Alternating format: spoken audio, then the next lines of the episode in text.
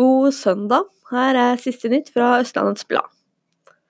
Tidligere styremedlem i Foreningen for omplassering av dyr kom på kant med foreningen. Ble fratatt Facebook-rettigheter i retten. Kasper på seks år fikk besøk av ordfører Hanne Oppdan etter brevet han skrev om at han ønsket seg tryggere skolevei. Under besøket viste han frem en tegning av hvordan han ønsker at skoleveien skal bli. Og den ferskeste bedriften i Ås har åpnet dørene. I de gamle lokalene til fargerike Skoleveien satses det nå på tipping, hest og bingo. Helene Olafsen fra Oppegård er ikke helt ferdig med brettet. Se de spektakulære bildene fra konkurransen i Lofoten hos ØB. Siste nytt fra Østlands Blad fikk du av Natalie Christiansen.